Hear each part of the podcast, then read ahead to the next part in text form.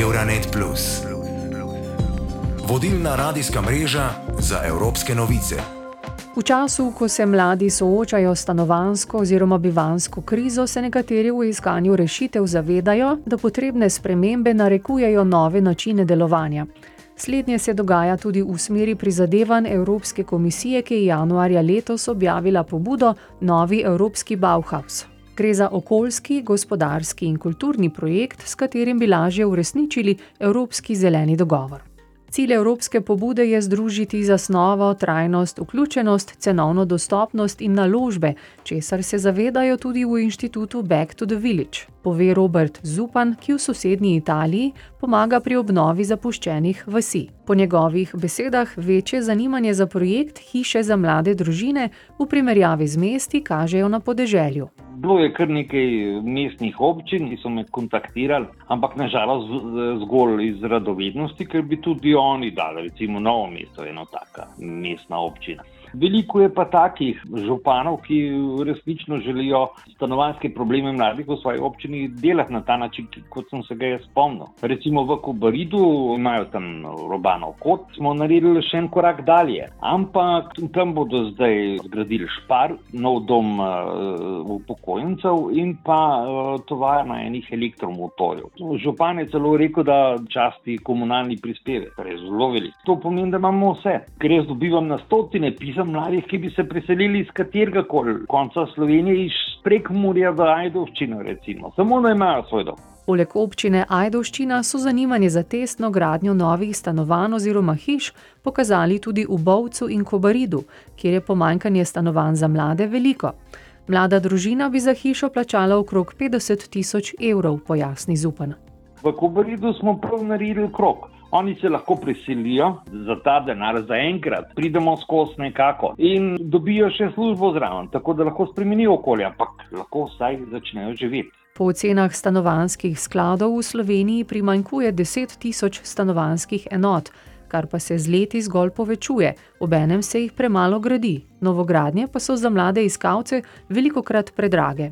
Ker je zemljišča za gradnjo težko pridobiti, saj so po večini kmetijska in v zasebni lasti, iščejo pri inštitutu Back to the Village različne rešitve, kako do novih stanovanj, za katera se zanimajo tudi invalidske skupnosti in domovi za starejše občane.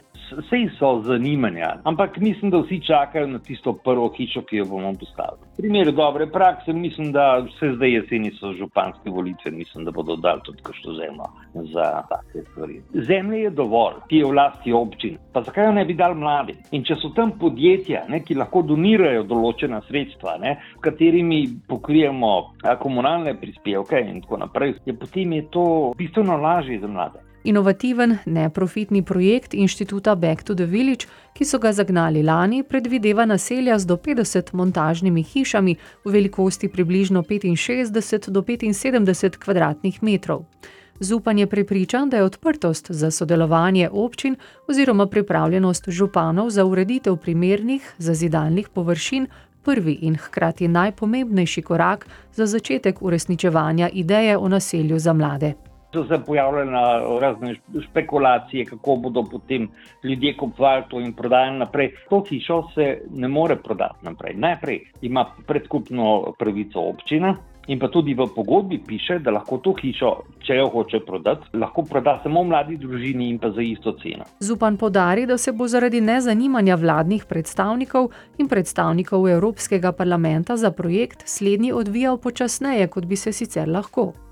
Tudi zato poziva mlade k temu, da tudi sami poskusijo vzpostaviti kontakt z odločevalci in jih odločneje začnejo soočati s svojo stanovansko problematiko. Zdaj, ko bomo postavili prve hiške, bomo dobili še nekaj zaupanja v ta projekt. Čeprav jaz bi zdaj prodal 800 hiš vsaj 800 ali pa 1000 prošen za to, da bi jim pomagali. Če bi mladi radi pomagali pri tem projektu, jaz sem zelo vesel. Prostovoljci, seveda, če bi pomagali, bi kontaktirali župani, komunicirali z drugimi mladimi in tako naprej. Upoštevajoč uresničevanje zelenega dogovora in evropsko pobudo o novem načinu bivanja, nameravajo v omenjenem inštitutu po besedah Roberta Zupana v prihodnosti zasnovati še bolj trajnostno naravnana bivališča za mlade, ki bodo bodo vključevala tudi umetnost, socialno vključenost, znanost in tehnologijo. Jaz sem si to celo tako zamislil, ne, da, da je na sredini a, ena večja stavba, kjer ima prostor za druženje, mali vrtec in tam zraven kakšna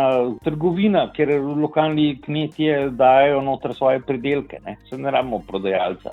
Lastniško stanovanje za večino mladih zaenkrat ostaja neuresničljiv ideal, kljub temu, da gre za tematiko opredeljeno tudi v ustavi Republike Slovenije, v različnih evropskih predpisih in ne nazadnje tudi eno izmed prednostnih nalog Evropske unije. Tudi v aprilu uzakonjena državna poroštva za stanovanska posojila za mlade, zlasti pri bankah in raziskovalcih preskrbe stanovanji, zbujajo več pomislekov in zadržkov. Euronet Plus vodilna radijska mreža za evropske novice. Lukaš Nečajev je študent arhitekture v Pragi na Češkem. Takole opiše stanovansko situacijo mladih v svoji državi. Um, the people are moving to, to cities, the village and the suburbs because of the work. And, yeah. Mislim, da se ljudje selijo v mesta iz vasi in predmestja zaradi dela. Mislim, da se veliko ljudi odloča za najem stanovanja raje, kot bi ga kupili. Po drugi strani pa mislim, da se nekateri odločijo ravno nasprotno zaradi ugodnejših cen. Ti se selijo iz mest in gradijo po svoje, ter se tako ustanavljajo družine. Potem pa je tukaj problem s prevozom in prometno infrastrukturo, da pridejo pravočasno v službo. Da so v času vojne in gospodarske krize mladi stanovanja pripravljeni kupiti, pa pravi Apollonius Žilis, predavatelj na oddelku za sociologijo na Litvanski univerzi Vitautas Magnus.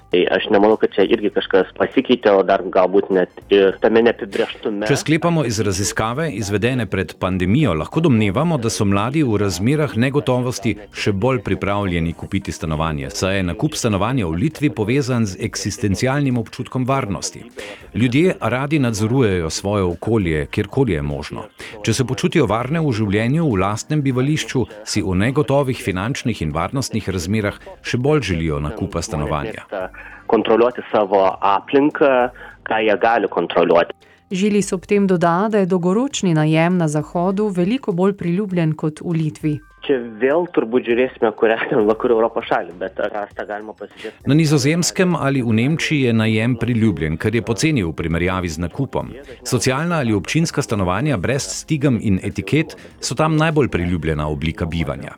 V Nemčiji, na primer, dolgoročni najemi niso nič presenetljivega. Mladi najemajo in živijo v takšnem stanovanju 20 let. Najem je varna možnost. Mladi niso pod pritiskom, da bi se odločili za nakup lastnega stanovanja. To običajno počnejo dobro obveščeni.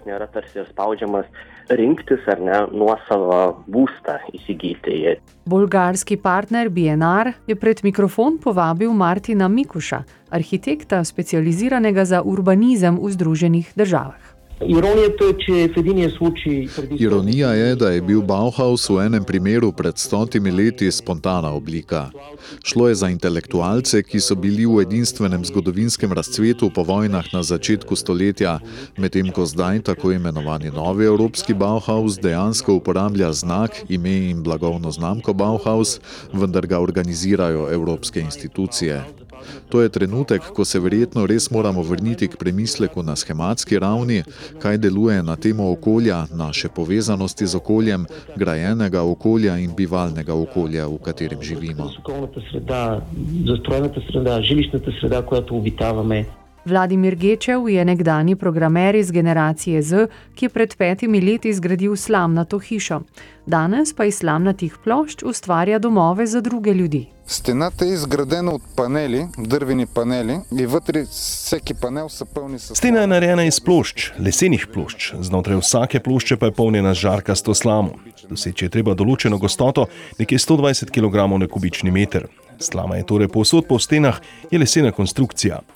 Hiša ustvarja lastno mikroklimo, odlično osončenost, vzdržuje konstantno približno 55 odstotno vlažnost, kar velja za najugodnejše okolje za človeka. Za dve osebi, ki živita tam poleti pri zunanji temperaturi 30 stopinj, se notranja temperatura ne sme dvigniti nad 21 stopinj. Po zimi, ko je zunaj minus 5 stopinj, notranja temperatura ne sme pasti pod 16 stopinj минус 5 градуса отвънка, вътре температурата не трябва да пада под 16 градуса. Kolegi z nemškega radia AMS so spomnili, da novi evropski Bauhaus velja za kreativni del Evropskega zelenega dogovora, saj je treba podnebje in naš življenjski slog rešiti z bolj trajnostnimi, ustvarjalnimi, inovativnimi in umetniškimi idejami, s čimer bo naše življenje postalo bolj socialno. Prav to je pri predstavitvi pobude izpostavila predsednica Evropske komisije Ursula von der Leyen.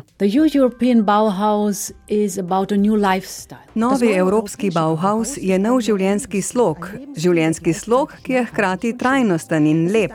Gre za projekt, ki spodbuja ustvarjalnost in ustvarja vizije za čas po pandemiji. Zavestno smo se odločili, da bo novi evropski Bauhaus čim bolj interdisciplinaren, tako kot zgodovinski Bauhaus. Bauhaus. Želimo združiti arhitekte, oblikovalce, znanstvenike, študente, kreativne ljudi in mnoge druge. Potem bo novi Bauhaus most med kulturo, obrtjo in tehnologijo, pri čemer želi združiti inovativnost z umetnostjo. Von der Leinova je o tem govorila tudi na lanskoletnem Frankfurtskem tednu mode, saj je osnovna ideja novega evropskega Bauhausa povezana tudi z modo. Ljudi moramo prepričati, da je včasih rešitev zelo preprosta. Hitra moda je strup za planet. Zamenjati jo je treba s počasno modo, ki jo je mogoče reciklirati z izdelki, ki proizvajajo manj odpadkov in trajajo dlje. Euronet Plus za boljše razumevanje Evrope.